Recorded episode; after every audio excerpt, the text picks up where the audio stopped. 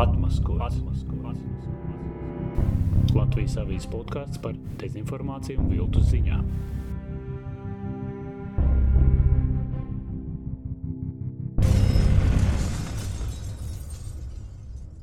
Atmaskots 31. epizode.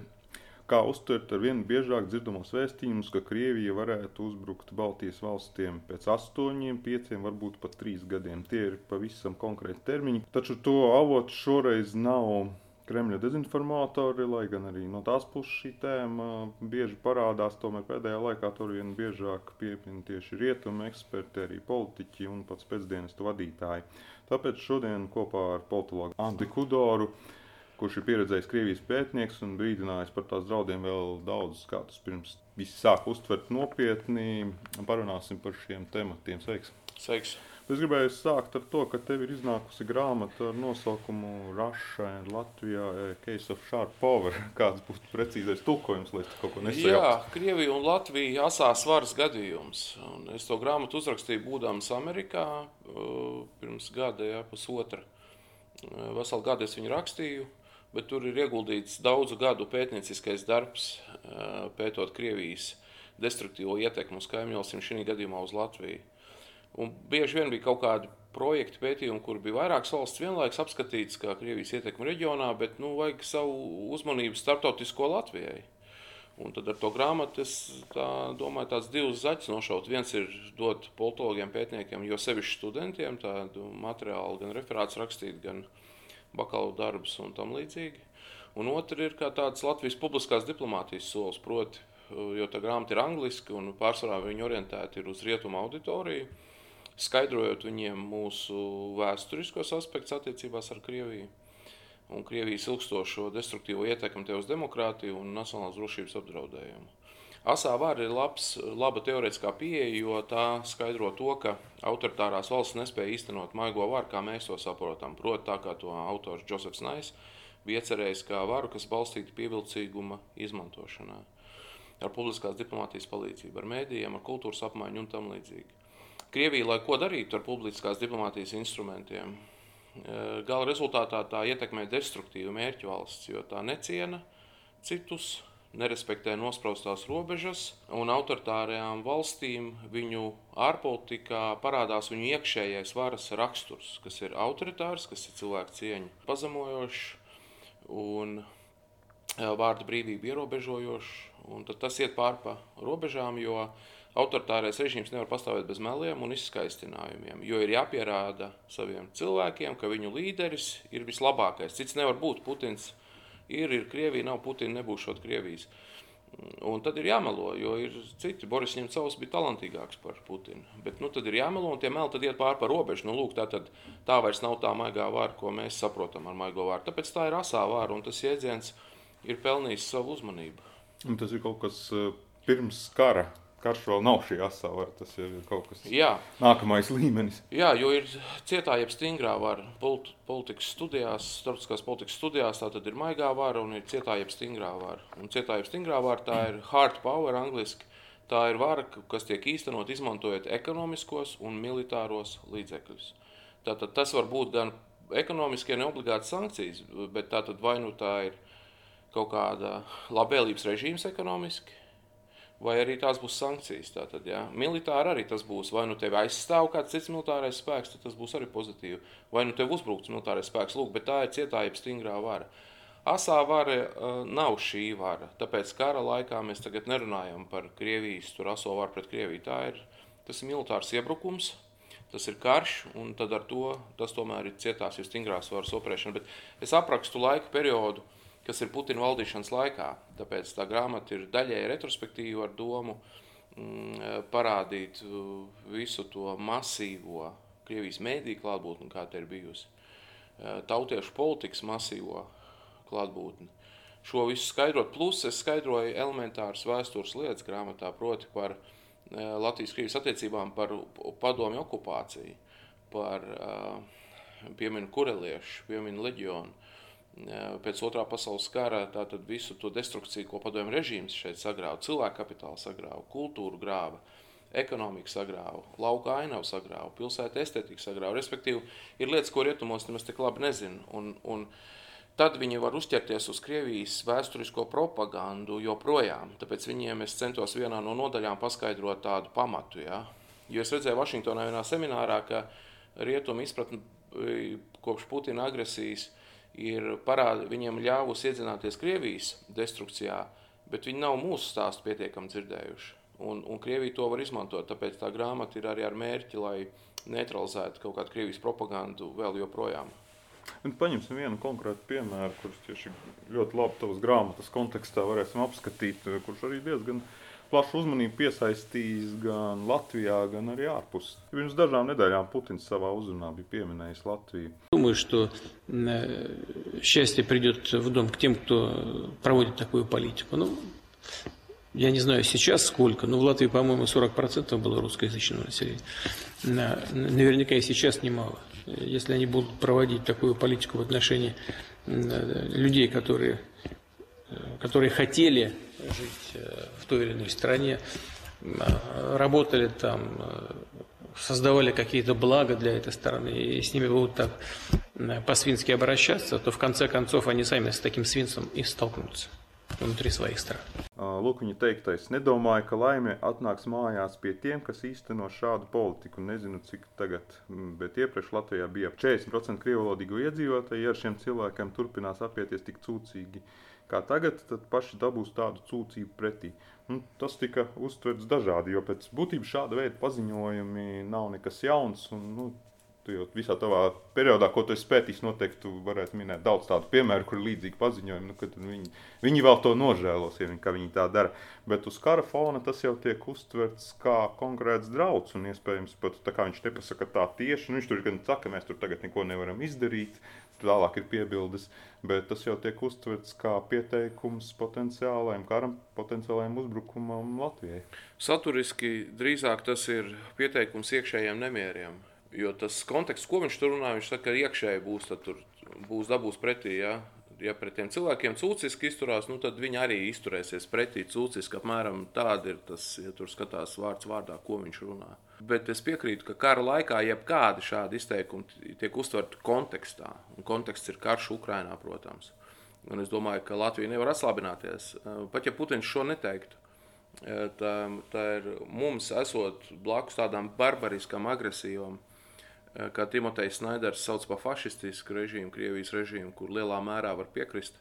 Atrodoties blakus tādai valstī, tādam režīmam, mums jābūt bruņotiem līdz zobiem. Mums vienkārši nav izvēles. Krievijas vēsture rāda, ka, ka viņai nevar uzticēties. Un tad, kad viņi beidzot nodemonstrēs, ka viņi var būt civilizēti, demokrātiski un ilgu laiku, un tad mēs noticēsim, ka tur ir pārmaiņas iespējams un ka viņas ir notikušas. Karš ir iespējams, bet es tā nesabiezinātu krāsas. Jā. Bet jūs sakat, pieteikums iekšējiem nemieriem. Jā.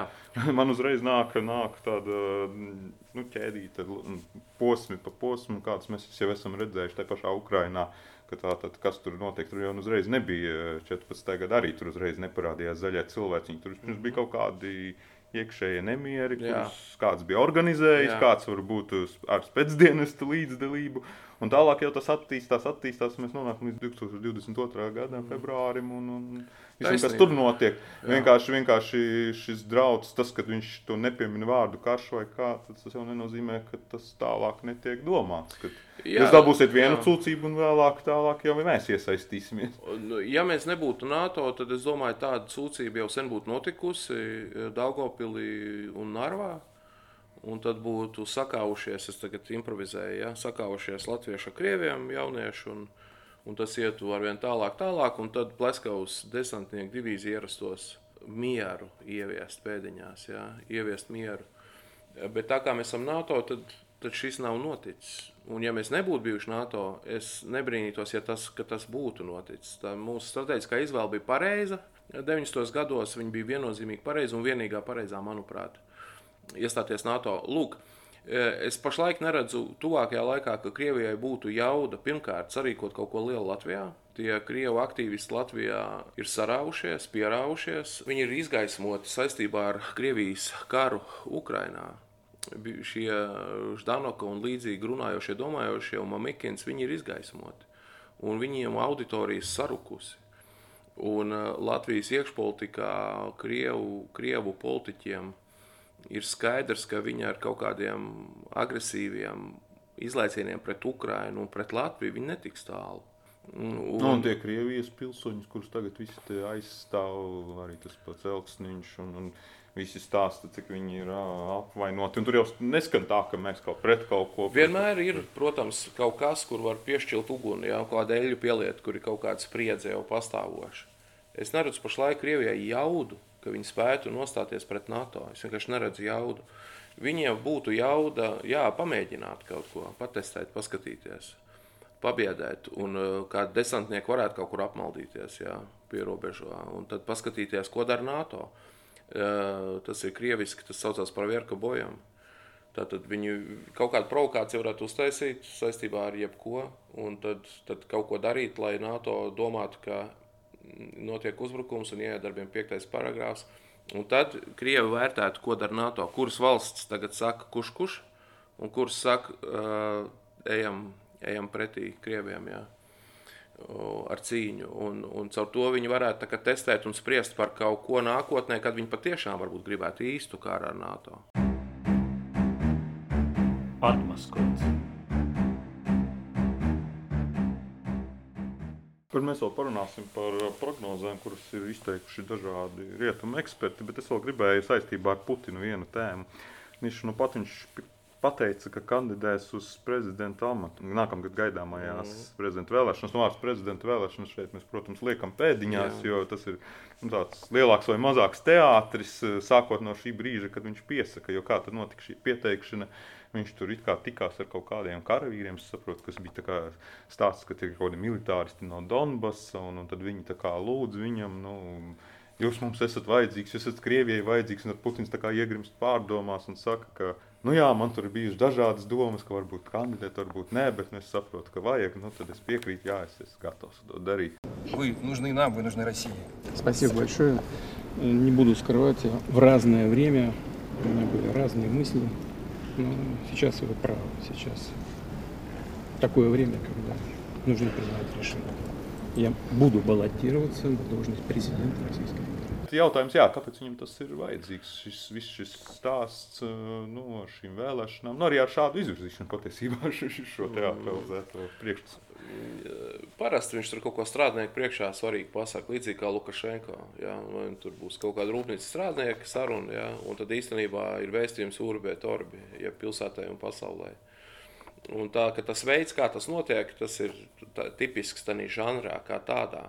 Bet es tomēr gribētu uzsvērt, ka šoreiz tie bija militāristi. Jā. Tā, tad karš, nu, ne, nevis strādnieki. Jā. Viņš ilgāk varētu to pašiem strādniekiem vai zvejniekiem. Vārds vietā, vārds vietā, jā. Protams, konteksts ir kara. Un viņš jau tur runāja atkal savā tajā pašpuikas stilā, tur ap arzeļi. Par Ukraiņu. Par Ukraiņu, jā, ka karoja jau pret mums karoja mūsu vēsturiskās teritorijās. Никогда ничего подобного мы не делали бы, если бы не начали уничтожать Россию на наших исторических территориях на Украине, изгонять людей оттуда, объявили русских некоренной нацией на Украине. Совсем с ума сошли. Совсем, как бы сказать, попроще по-народному. Оборзели совсем. Tur ir tāds murkstējs vārdos, ko viņš runā, un tad viņš saka apārzeļi, jeb tādu, nu, paz, pazaudējuši kaunu, ja, be, bezkaunīgi palikuši. Es pat nevaru atrast labu vārdu latviski. Nav arī jāatrod. Uh, nu, tas ir tāds ielu pašpuikas stils, Un es domāju, ka daļa Donbass tie kaujinieki ir tādi paši un runā tajā pašā leksikā. Un, un tad, protams, viņš tur pielāgojās, kā jau VDK bijušais. Ja? Viņš saprot, ka vajag hameleoniski runāt tā, kā vajag konkrētajā brīdī. Visgrūtāk Putinam ir bijis runāt kultūras cilvēku priekšā. Tam viņš tur mūst un stostās un nezina, ko teikt. Šī vide viņam ir saprotamāka. Ja? Viņam nav izvēles vairs. Viņš ir tik tālu aizgājis, ka viņam ir jāpaliek pie varas. Es domāju, viņš Vairs viņam nav izvēles. Bet viņš jo... varētu darīt arī nerīkojot vēlēšanas. Gal galā viss tas saprāt. jā. Pašu vēlēšanas var nerīkot, bet viņam jāpliek pie varas. Ir. Kāpēc viņi nesarīkot vēlēšanas? Kāpēc lai nesalasītu tur atkal savus skaitļus lielos? Viņam jau tās vēlēšanas tikai vairo eh, it kā leģitimitāti. Jā, daļa cilvēku reāli par viņu balso. Opozīcija ar savu piedalīšanos tikai palīdz Putinam īstenībā. Lai, lai ko Navaļnijas runātu par gudro balsošanu, jebkuri kandidāti, kas tiek pieaicināti, vai tas būs jau Linskis vai kāds cits, viņi palīdz Putinam burtiski. Sobčaka, kad bija kandidāts, palīdzēja Putinam. Ja, tie iepriekšējie kaut kādi it kā konkurenti, ja, viņi visi palīdzēja. Jo, jo dod viņam tēlot, ka Putins pie visa tā, kā viņš grauj likumus, starptautiskos un iekšējos, viņam patīk rādīt, ka īstenībā viņš it kā seko likumiem. Redziet, stāv rakstīts, un re, ko mēs izdarījām pareizi. Ko jūs te stāstat? Mums ir demokrātija. Nu, tauta grib man, nu viss. Man saistībā ar šo ienāca prātā vēl viena, varbūt, varbūt tā ir man tikai tāda sakarība liekas, un tas nav tik izteikti, bet varbūt arī nē, jo, principā, arī Ukrainā tuvojas prezidenta vēlēšanas, un tas ir ļoti sarežģīts jautājums šobrīd, un, teiksim, Zelenskis, nu, Skaidrs, ka viņam būtu vajadzīgs šis mandāts, bet tajā pašā laikā sarīkot vēlēšanas kara apstākļos, kad tev ir miljoni ārpus valsts bēgļu gaitās devušies, ir ļoti daudz cilvēku okupētajās teritorijās. Ir frontē tāpat, kur nu, nu, nav normāli īsti sarīkot vēlēšanas. Kur, faktiski tas ir diezgan, būtu diezgan neprātīgi prasīt, lai viņš to dara. Bet es dzirdu, ka no rietumu puses skan stāsti, ka nu, vajadzētu, ka tomēr vajadzētu nu, tā kā, tā kā mājieni. Uh, un tāds spiediens, un vienlaikus Putins varēs teikt, bet redziet, es esmu leģitīmi ievēlēts. Zelenskis tur atceļ vēlēšanas, viņš, viņš tur, kas viņš vispār tagad ir, ja viņš vairs ir nerīko vēlēšanas, vai tur nav arī šādi kaut kādi, var nerasties kaut kādi? Var rasties, bet uh, vēlēšanas Ukrainā uzskatu, ka nav jārīko, tāpēc, ka tur ir karš. Krievija rīko vēlēšanas, tāpēc, ka viņi nesaka patiesību. Viņi arī ir karā pret Ukrainu. Un, uh, viņi saka, ka viņi rīkošot arī tajās daļās, kur viņi ir okupējuši šobrīd, Ukrainu, kuras viņi pasludinājuši par savām. Nu, protams, tur, turpinās savus starptautiskos noziegumus. Tas ir pretrunā ar starptautiskām tiesībām. Viņi kārtējo reizi atkal izdarīs kaut ko. Uh, to, kas ir pretrunā. Un, eh, cik es saprotu, Ukraiņas likumi paredz, ka kara laikā nav vēlēšana. Un tāpēc es neredzu, kāpēc. Un es nesaprotu, kāpēc tur pierunāt viņus. Tas tikai ir kaut kāds tāds - jūtas, ka ir kaut kāds rietums spiediens mazliet. Ne, es tik ļoti neredzu. Jā. Nu, ir Aristovičs redz to. Aristovičs tagad, protams, vicina karogu, viņš grib kļūt. Un, jā, es neredzu, ka būtu jārīko vēlēšanas. Karš ir. Kara laikā iestājās militāra sistēma. Tas nozīmē, diskusijas stipri samazinās, vara supercentralizējas, jo nav laika nekam citam. Tātad, kāpēc armijā nav demokrātijas, bet ir, ir stingra disciplīna un ir hierarhija ļoti stingra? Tāpēc, ka tur nav laika, tur, nav, tur nevar domāt ilgi. Diskutē, es redzēju, ka vienā kinofilmā rādīja, kā Japāņi, kad uzbruka Perlhārborai. Uh, Viņiem bija diskusija pirms uzbrukuma. Viņi izrunājās, augstākie virsnieki izspriež plusus, mīnusus. Un pēc tam diskusija beidzās. Jā. Viņai ir sava vieta, bet pēc tam, kad karo viss, ko komandieris teiks, tā būs. Jā. Un diskusija ir sava vieta, bet tad, kad viņi spriež, ko darīt. Un tāpēc te, te, te tagad tās vēlēšanas, jā, man patīk demokrātija, bet man galīgi neprasās, lai Ukrainā būtu vēlēšanas. Viņiem ir jādomā, kā uzvarēt karu. Nu, vēl tas stāsts, ka tā Ukraiņas demokrātija ir tāda īpaša, pat, pat mēs varam tur vēl paskatīties, vai mēs esam tik. Viņi ies uz vēlēšanām, viņi mainīs prezidentus, lai tur vai kas sarīkos maidanus un tam līdzīgi. Nu, viņa tā, tā politiskā dzīve viņiem ir ļoti karsta, vai viņi tur vienmēr ir pareizi no mūsu skatu punkta bijusi agrākajos gados, bet viņi tomēr ir tāda dzīve ļoti. Ukrainā tas ir nepieciešams, tāpēc ka tur, tur ir blakus Krievija, kur nekā no šī nav. Ja? Un Ukrainā, tur, kur ir tiem varas vīriem, nav pašiem pietiekami izpratni par to, ka korupcija nevajag, ka, ka likuma pārējā jāvēro, ka tieslietu sistēmai jābūt neatkarīgai. Es runāju par Ukrainu. Ja tur nav pietiekami pašiem politiķiem pašdisciplīnas, tad ir jābūt bailēm labā nozīmē bijāšanai pret uh, sabiedrības vārdu, kurš kur tūlīt izies ielā un pateiks, stop. Un tā, ar to Ukraina ir eh, tāda klubdama krizdama, karsti ir gājis, bet tas ir kā viņi ir īstenojuši godīgas vēlēšanas, godīgas un brīvas vēlēšanas, entās. Kamēr Krievija nevienas Putina laikā, nevienas vēlēšanas nav bijušas godīgas un brīvas. Ukraiņiem jau daudz tādas ir bijušas. Vienkārši kamēr ir tāds jēdziens politiskā kultūra un ir eh, tā pakļautības politiskā kultūra, kas ir Krievijā, tad cilvēki ir informēti par politiku, bet pilnīgi eh, pasīvi un ļauj līderiem darīt, ko grib. Ja? Tur ir autoritārisma un laba augsne. Un ir tāda aktīvā pilsoniskā politiskā kultūra. Un Ukrainā viņi ir, Francijā viņi ir. Tas ir cilvēki ātri ir ielās. Un, protams, tur es nesaku, ka Francijā visi nemieri vienmēr ir būt vispār pozitīvi kaut kā vērtējami. Sevišķi tie, kas ir, kur rīko, varbūt tie, kas ir nesen atbraukuši uz Franciju. Un, un pieprasa kaut ko, ko varbūt pat nevajadzētu pieprasīt. Tas ir cits stāsts jau, bet citādi.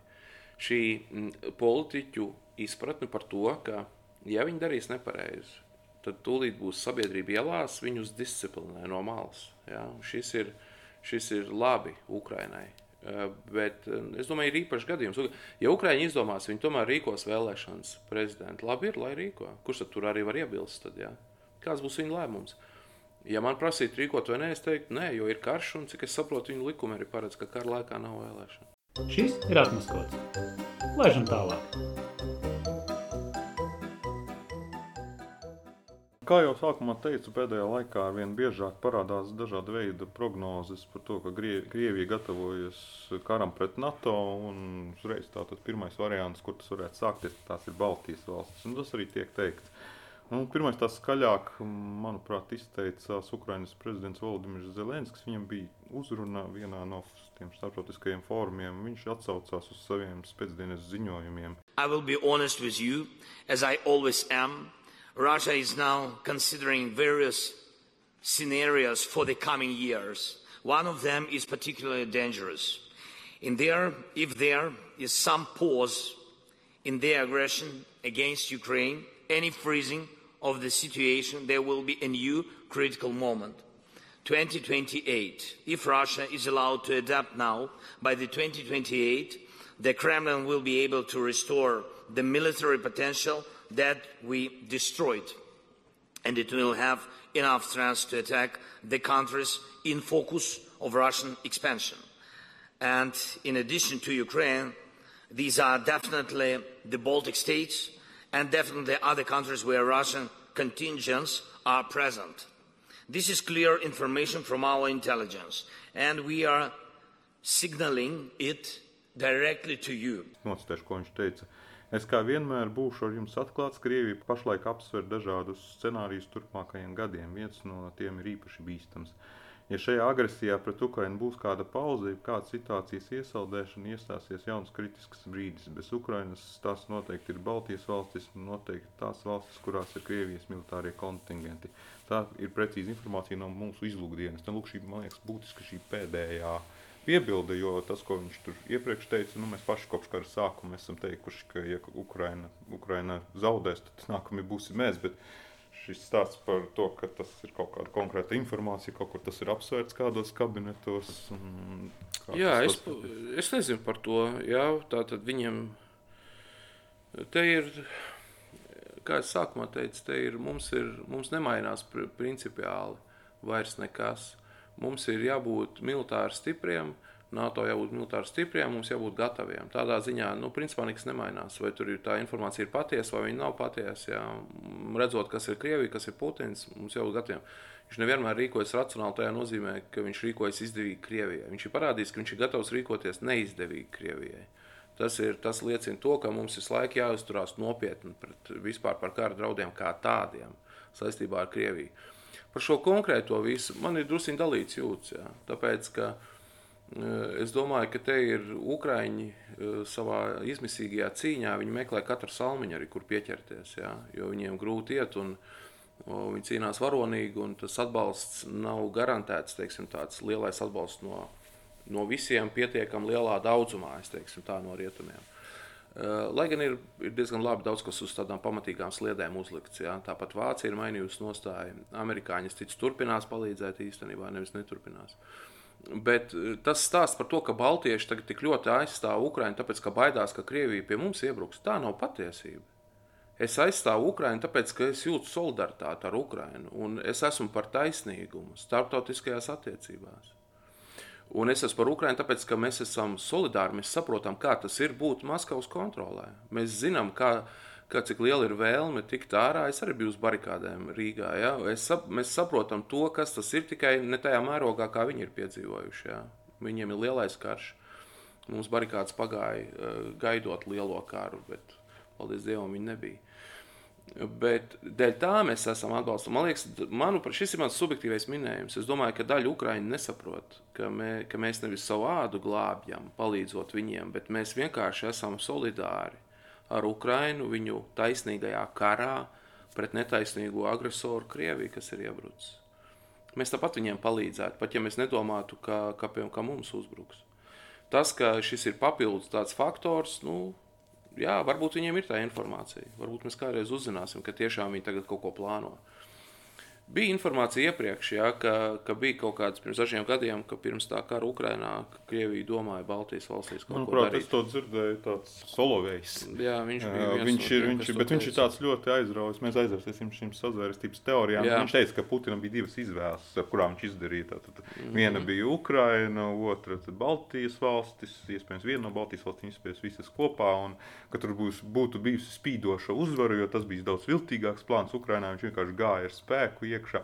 Nu, tas jautājums, jā, cik šis cilvēks, kurš arī ir stāstījis, ka Putins patiesībā ir miris, un ka tur tagad kaut kāds dubultnieks, cik viņš to izplatīja patiesību. Bet, nu, tas, tas runas tika uztvertas, viņas tika apspriestas. Jo nu, tām ir tāda augsne, kur nu, tu nevari palaist garām, jo tas ir aktuāli. Jā, tur ir tā lieta. Es mm, vēl un vēl vēlos uzsvērt, ka mums nemainās principiāli nekas. Vai tagad tā ir teiksim, patiesa informācija, ja, ka viņi tiešām to spriež, vai viņi to nespriež.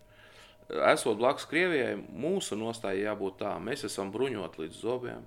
Armijas mehanizācija jāturpinās. Mums jāiepērk pretgaisa aizsardzība, mums jāiepērk visi modernie ieroči, ko vien var iepirkt. Mums nāksies daudz tērēt uz aizsardzību. Mums vienkārši nav izvēles.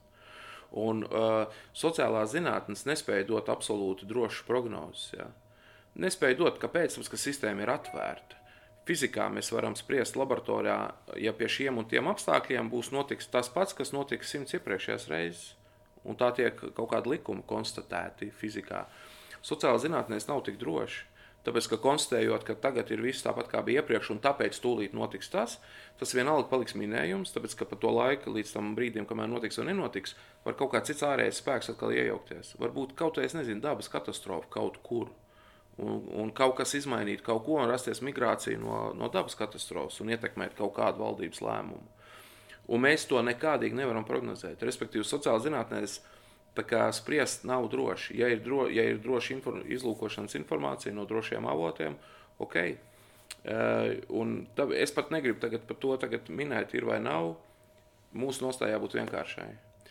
Mums ir nepārtraukti jālobē ideja, ka jāpalīdz Ukrainai. Mums ir pašiem jādara savu mājas darbu, mums ir jāstiprina savu bruņotie spēki. Mums ir jāpērk uh, bruņojums, tas maksās dārgi, tas ir sāpīgi, bet mums nav izvēles esot blakus Krievijai. Mums jābūt gataviem. Ja būs tā x stunda, ir jābūt gataviem, jābūt patvērsmēm, jābūt tām bumbu uh, vietām, kur slēpties, jā, un tā tālāk. Viss jāgatavo, jābūt pietiekami lielai skaitliskai armijai, viņu vajag lielāku. Tie visi ir mājas, mājas darbi, nav kuri, kuri variantu. dienas kārtībā vienalga būs vai nebūs. Kopumā bet, es neredzu Krievijas jaudu pašlaik kaut ko izdarīt. Jā, bet es tieši gribēju pieminēt, labi, Zelenski. Viņi mēs- nevar Ukrainu uzvarēt. Kā viņi ar NATO Zelenski mēs ņemam kā varbūt daļēji emocionālu un daļēji politisku paziņojumu. Tomēr šis bija tas, bet nu, ir tālāk sekojuši arī ekspertu un, un arī pētnieku, tātad tavu kolēģu atzinumi. Tātad tad novembra sākumā Vācijas ārlietu padome DGAP, Die Deutsche Gesellschaft für Auswärtige politika. No, viņi publicē pētījumu, kas saucās eh, Preventing the Next War. Tas ir novēršot nākamo karu, un tur jau viņi mēģina iezīmēt šos konkrētos termiņus. Jo nu, galu galā arī Jā. mēs gatavojamies, bet mums arī kaut kāds. Lai gatavotos, ir pirmie uzdevumi, otrie, trešie, Jā. un, un kaut kādā ir jāsaliek kaut kādā laika rāmī. Nu, tagad pat nu, pretgaisa aizsardzību tu pieminēji, bet viņi e, būs kaut kādā spējīga tikai ap 2026. gadu. Es Mm. saprotu, ir kaut kādi pirmie termiņi, kad mums tiešām šī pretgaisa aizsardzība daudz maz būs tāda pilnīga. Nu, un lūk, tad viņi, viņi piemin šo 60 gadu ilgs periods, lai Krievija atjaunotu kaujas spējas. Nu, tas ir pie nosacījumiem, ja viņi nu, netērē tik daudz Ukrajinā. Nu, tas ir tāds, jā, ja viņi pārtrauc aktīvu kara darbību. Jo, ja viņi Ukrainā. turpina karot Ukrajinā, tad nav teikts, ka viņi tur spēs. Jā, viņi pārliek eh, ekonomiku uz kara ekonomikas sliedēm. Satelītu tie uzņēmumi rāda, ka jā, viņi, tie viņu militārie uzņēmumi paplašinās, ir jauni cehi. Eh, Krīma arī militarizējas, teiksim, tā, joprojām. Eh, Tie kaut kādi objekti tiek piebūvēti klāt. Jā, nu labi, viņi floti tur nevar turēt tūmā vairs, tāpēc ka Ukraina labi šauja pa viņiem jūrā un, un pa ostām. Bet, eh, nu, tās, ko mēs redzam? Jā, Krievija turpina stipri, mēģināt nostiprināties militāri. IKP procents būs kas tiks dots aizsardzībai, ja pareizāk uzbrukumam Krievijas gadījumā būs 6 vai līdz 10%. Ir dažādas prognozes, redzēsim. Kopumā drošības sfērē tur vispār kaut kā 40%, tas ja saskaita visu, visu nacionālo gvārdu un vispārējās lietas, kas ir iekšējā lieta tomēr. Bet uh, pie šī tendences, ja, pie tā, ka Putins drīzāk būs pie varas, uh, nu, jā, tādā militāri strateģiskajā plānošanā jau nav īpaši jādomā, būs vai nebūs. Ir jādomā ar attieksmi, būs karš. Tikai tad tā gatavošanās būs nopietna. Un tad, ja mēs nopietni gatavosimies, visdrīzāk mēs iz, izvairīsimies. Mums pieaug iespēja, ka mēs izvairīsimies no kara, jo pretinieks redzēs, ka mēs esam stipri. Un, un šajā nozīmē labāk ir ticēt tam, ka tas karš ir iespējams, jo tad gatavošanās būs nopietna. Un es esmu par nopietnu gatavošanos. Jā, jo, piemēram, pēc, šīs, pēc šī pētījuma bija vēl izteikumi. Piemēram, Polijas Nacionālās drošības dienesta vadītājs Jaceks Sevjē, viņš bija devis interviju, viņš bija teicis, ka kādi seši un kādi desmit gadi, mums tikai trīs gadi, jo Krievijas militārā rūpniecība šobrīd strādā trīs maiņās, un, un tā jauda tur ir nu, milzīga. Un... Mm. Tas, ka Putins var eh, sagribēt kaut kādu noslēgumā, dzīves noslēgumā lielu, lielu izkaušanos, tas arī ir iespējams. Es, es neņemos prognozēt vispār, ko, ko viņš domā, kas, ko viņš darīs, vai viņš zina, ko viņš vispār darīs. Jā. Eh, kopumā tā Putina retorika ir sākot no 2000. gada. Viņa pakāpeniski ir gājusi uz, uz agresīvo pusi un uz kautiņu, nevis uz otru pusi. Ja mēs vērojam pa gadiem tendenci, ja, Viņš ar, ar Tregūbovu, ar to Kremļa digeru grāmatu autoru, kad runāja, viņš tā, Tregūbo pēc tam liecināja, ka viņš reāli saprot demokrātiju. Visu tur viņš saprot, viņš vienkārši nedara tā, kā viņš ir izvēlējies citu to pro-padomisko sentimentu un militarizāciju un vispārējo. Kopš krāsainām revolūcijām Krievijas kaimiņu valstīs, Grūzijā un Ukrainā, Krievija ir, ir izmainījusi savu ārpolitiku. Mīnhens runa 2007. gada drošības formā Putins principā iezīmē jaunu augsto karu, par ko Edvards Lukas veiksmīgi rakstīja grāmatu Jaunais augstais karš. Par kuru te ignorē viens otrs, uh, ironizē viens otrs eksperts Latvijā. Bet Lukasam bija taisnība. Jā. Lukas ar savu to alarmistu to pieeju, viņam bija taisnība. Un Lukas teica, vajadzēja klausīt austrumu eiropiešu arī tad, kad notika 14. gads, pēc tam 22. gads. Šī ziņā, jā, nu, Hodorkovskis vienā pasākumā arī teica, es atceros, Mm, mums ir dažādi scenāriji. Pirms vairākiem gadiem viens no tiem ir, ka Putins forever, tātad uz visu laiku. Es tur es domāju, nu nē, nevar būt. Un mēs skatāmies, ir. Tāpēc par Krieviju nu, labāk tur pieturēties pie sliktajām prognozēm un gatavoties tam. Nekā nē, bet vai viņas obligāti piepildīsies? Es ar to negribētu teikt, ka es tā simtprocentīgi domāju. Ja, laiks rādīs, viņas var piepildīties vai nepiepildīties. Uh, Mums nav izvēles. Mēs gatavojamies, un militāra strateģiskā doma ir tāda, nevis vai būs karš, bet kad būs karš, vai mēs būsim gatavi. Jā. Un cik tālu ir pretinieks, un vai mums ir ko likt pretī un tam līdzīgi. Un tā pašlaik ir jārīkojas Latvijai, līdzīgi kā NATO kopumā. Ir jāattīsta militāra kompleksājas, tas mil, militārā ražošana, jāattīsta NATO valstīs. Tā, kas ir iemizināta, ir jāmodina augšā. Ir jāražo tanki vāciešiem, ir viss, ko var saražot, mums te jāražo Somu patrie tās bruņu mašīnas. Šeit nāksies ieguldīties. Mēs redzēsim, ka Eiropā militārie tēriņi, protams, ka pieaugs. ASV viņi tāpat jau ir lieli. Es domāju, Eiropā viņi pieaugs. Un, esot blakus Krievijai, nav, nav cits izvēles. Tas ir jādara. Tas ir vēl viena dilemma, par ko mēs arī bieži, kad runājam tā Ideālistiski mēs, protams, stāstām, ka NATO, NATO tur vienoti un piektais pants un tam līdzīgi, bet vienmēr paturam arī tās šaubas, vai NATO tajā brīdī, kad vajadzēs rīkoties, rīkosies. Un es arī gribu pieminēt um, viens no šiem vācu pētniekiem, kurš, kurš arī bija par 610 gadiem, kā termiņu iezīmējis Kristians Molnings. Viņš intervijā arī atzīmē, ka var jau būt, ka tas nav tāds scenārijs, kā bija Ukrainā 2022. gada februārī. Tad, tad, nu, tad viss pa visām front, front, frontēm brūk iekšā no visām pusēm. Tad vienlaikus visās Baltijas valstīs, vienlaikus Polijā. Nu, tad skaidrs, ka ir sācies karš pret NATO. Bet tas var būt kaut kāds scenārijs, piemēram, kā ātrs trieciens uz Viļņu kāds negaidīts. Nu, viņš, viņš konkrēti Viļņu šajā gadījumā pieminēja, tikpat labi mēs varam iedomāties Rīgu, piemēram. Un, un tad kaut kas ir noticis, kaut kādas pirmās dienas, kaut kādas kaujas jau notiek. un NATO valstu līderu kabinetos sākas jautājums, vai mēs riskējam ar saviem karavīriem. Ja Krievija tālāk nevirzās, viņi pasaka, ka mēs tagad gribam sarunas, mēs par kaut ko esam gatavi vienoties. Varbūt mēs pat atliekam karaspēku no tās viļņas. Ko tālāk dara? Un, un tur viņš saskata šo risku, ja sāksies šādas ļoti uh, tādas ilgstošas diskusijas, tad stāsts parādās par divu veidu NATO locekļiem, par tiem, kurus ir vērts aizstāvēt un kurus nav vērts aizstāvēt. The trick is, is, is just an old one because this is one of the scenarios that, that we had before the second uh, war in Ukraine that, uh, that the Russians started. It's possibly enough if the Russians can take some square kilometers of NATO territory and, for example, a capital like Vilnius and say, okay, now we can start negotiating basically. Um, and if then within the NATO countries a discussion starts whether it's worth risking the soldiers of Germany and France and Spain to retake Vilnius, or if we shouldn't give in to that, then you basically start uh, killing NATO because the, the strength of NATO is political solidarity only out of this range you can gain military solidarity or military strength, basically. So this is something where if you create basically on, on the European continent two areas uh, of NATO allies, those who are worth to be protected and those who are not worth to be protected, everybody who's in NATO basically has to question whether uh, it makes still sense to, to stay in NATO. Nav tas vairs iespējams, ka nekaros NATO. Tas, ir, tas mirklis ir pagājis. Ukraiņas kara dēļ ši, es šo scenāriju vairs neredzu, ka NATO nekarotu. Es viņu vienkārši neredzu. Viņš varēja notikt līdz 14. gadam.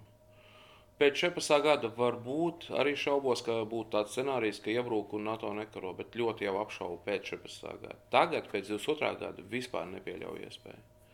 Tas, ka viena otra NATO dalībvalsts kaut kur lēnām nevis skries uz tankiem, bet lēnām vilksies, Tas ir iespējams. Bet tikpat labi būs pietiekami daudz spēku, kas skries un darīs un ātri. Kāpēc eh, rietumi nostājās Ukraiņas pusē un aktīvi sāka palīdzēt? Tāpēc, ka Ukraiņi kaujās. Kas būtu, ja Ukraiņa Kijevu nebūtu nosargājusi, kas būtu, ja Ukraiņa paši nebūtu gatavi kā vienā pašvaldības vadītājs, vienā mazā pilsētā. Viņš nesagaidīja nekādas pavēles no Kijevas. Viņš zināja, ka nāk okupācijas karaspēks un viņam ir lidlauks neliels viņa pilsētā. Viņi sadzina smagās mašīnas paši, neko neprasot, paši uz pašu iniciatīvu. Fiks sadzina smagās mašīnas, zinot, lai Krievu desantnieku lidmašīnas nevarētu nolaisties tur. Viss, viņi nosargāja pilsētu. Viņus neokupēja. Ka, un kas tas bija? Tā bija cilvēku gatavība aizstāvēt valsti. Latvijā es ticu, ka viņa ir pietiekami liela, es pat teiktu augsta, un kopumā Baltijas valstīs un Polijā un, un Somijā Un Somija stājas, tagad ir iestājusies jau Zviedrija stājas. Jā, es redzu otrādi. Mēs drīzāk es lasīju tieši gatavi. Krievijas propagandā Vaimanas, ka Krie... Somija esot kļuvusi par antikrieviskāko valstu, lai gan agrāk bija tur mums tādi lieli draugi. Nu, padomju, lai tikai... Somija bija disciplinēta un savaldījās. Jā. Es kaut kad biju vienā pasākumā, kur viens somieti dziedāja uh, tur uh, ziemas kara dziesmu. Jā. Ziemas kara dziesmu, tur bija tāda Es ne, neteikšu, kādu vārdu tur bija ja, par to, kā Somija karoja ar krieviem. Un tā dziesma bija pro-somieska un bija antikrieviska. Un, un tas varbūt nebija kaut kur avīzes slēgās, ja, bet tas karš tāpat nav ticis aizmirsts un, un tam līdzīgi. Tā finlandizācija notika, bet viņa beidzās līdz ar Gorbačovu pārmaiņām. Beidzās, un Somija parādīja, kas viņi ir. Un, un tas, ka viņi tagad stājas NATO, nu, Putins ir izdarījis visu, lai NATO stiprinātos. Uh, Jā, Baidens ir runājis par to, ka katru colu, saprot, tur tie vārdi ir skaļi pateikti. Jā. E, es, es biju Amerikā 16. gadā, tikko Trumps bija ievēlēts, un mums bija iespēja tur politologiem, ekspertiem tikties ar Trumpa ārpolitikas konsultantu priekšvēlēšanu laika konsultantu, kurš pēc tam vairs nebija, bet viņš bija tātad priekšvēlēšana laika atbildīgais viņam par ārpolitiskiem jautājumiem. Un viņš teica tā, ka Trumpa nostāja ir tāda, ka tie, kas ir zemlietu sargi, tos pasargās. Un tie, kas ir ārpus lietas sargi, nu, tad nezinu, švakavai. Jā. Tā bija tāda sliktā ziņa par tiem, kas ir ārpus NATO, tā bija labā ziņa tiem, kur ir NATO iekšienē. Un tas ir no Trumpa ziņa. Jā. Kur nu vēl citi līderi, kas ir ļoti labvēlīgi Baltijas valstīm, mūsu pozīcijas Amerikā ir ļoti labas. Mums tas ir jāturpina. Kopš 98. gada, kad tika parakstīta Baltijas un ASV harta, drošības harta, kas bija priekšvēstnesis tam, ka ASV atbalstīs mūsu iestāšanos NATO, bija skaidrs, ka ASV arī nopietni uztver mūsu kā nacionālās drošības kontekstā. Man nav par šo uztraukumu. Man ir pieņēmums, ka viena otra NATO dalību valsts mm, rīkosies lēnām un kaut kur neizlēmīgi, bet būs pietiekami kritiskā masa liela NATO dalību valstu vidū, kas karos pirmajās stundās, kāpēc? Tur kā latvieši, lietuvieši un igauni, vai visi kopā vai viena atkarībā, kur būs iebrukums karos pirmajās stundās. Nav, tas, tas, tas ir mirklis, ir pagājis. Mums uh, paveicās, ka, ka tas pirmais Krievijas lielais solis agresīvais bija pret Ukrainu. Mēs paspējām sagrupēties un paspējām lobēt pietiekami savus intereses pie mūsu rietumu partneriem, kuri uztvēra visu nopietni. Baidens tagad runā, un ASV arī runā. Viņš saka, skatieties, ja mēs nepalīdzēsim Ukrainai, tad Krievi iebruks Baltijā, un tad mums būs jāsūta karavīri. Tāpēc labāk tagad palīdzēsim Ukrainai, lai nebūtu jākaro mūsu karavīriem fiziski jau Baltijā. Tāpēc, ka tas netiek tā kā izsvērts, kā karos, nekaros. Es par šo īpaši neuztrauktos. Doma ir tāda, kas mums jādara, mums jāturpina ir lobēt. Mums ir jābūt Vašingtonā, mums ir jābūt visur. Jā. Latviešiem, diplomātiem ir jābūt aktīviem. Mums ir cieši jāsasaistās visādās nozīmēs, jā, rietumu valstīm, lai nacionālās drošības kontekstā mēs, mēs būtu pasargāti. Un pašiem jābūt gataviem kauties, ja Ukraiņi nekautos, ja viņi necīnītos, tad būtu visādi iespējamās sarunas. Bet tā kā viņi turpināja izmisīgi cīnīties, un viņiem bija panākumi tajā aizsardzībā sākumā, rietumi pat ne NATO valstī nu, sāka palīdzēt. Tāpēc es šī ziņā gan esmu diezgan optimistisks. Par... Tu pieminēji Trumpu. Jā. Tātad vēlēšanas šajā gadījumā riski. Riski pastāv, bet nu, Amerika te ir tas vecais stāsts par to, kas izskanēja jau pirmīt. Jā. Amerika nav tikai Trumps. Jā. Un Trumpam tādi aktīvie viņa atbalstītāji, kas ir Amerikas izolacionismu atbalstītāji, viņi ir republikāņu vidū kaut kāda trešdaļa. Un vēlētāju vidū arī apmēram droši vien kaut kas tāds. Jā, daļa republikāņu ir par, par palīdzību Ukraiņai, un vēl kas ir, mēs, mēs tomēr neesam Ukraiņa, mēs esam NATO dalību valsts. Jā. Es domāju, ka viņš turpinās pieturēties pie šī, ko kāds teica, ka tie, kas ir NATO, tos aizsargās. No. Sociālās zinātnes nedod absolūtu garantiju nekam, jo tas ir cilvēka kaut kādi individuālie lēmumi. Jā. Es varu izteikt cerību un drīzāk tādu savu pārliecību, jā, ka, ka NATO joprojām būs spēkā piektais paragrāfs un Amerika karotu. Un, un pat, ja, pat ja tas būtu Trumps kā prezidents jā, un iebrukt Baltijas valstīs, es ticu, ka Amerika vienalga karot uh, par mums, jā, un, jo mēs paši karot. Politologs Andris Kudors, paldies par uzmanību un līdz citai reizei. Paldies! Tu esi atmaskots.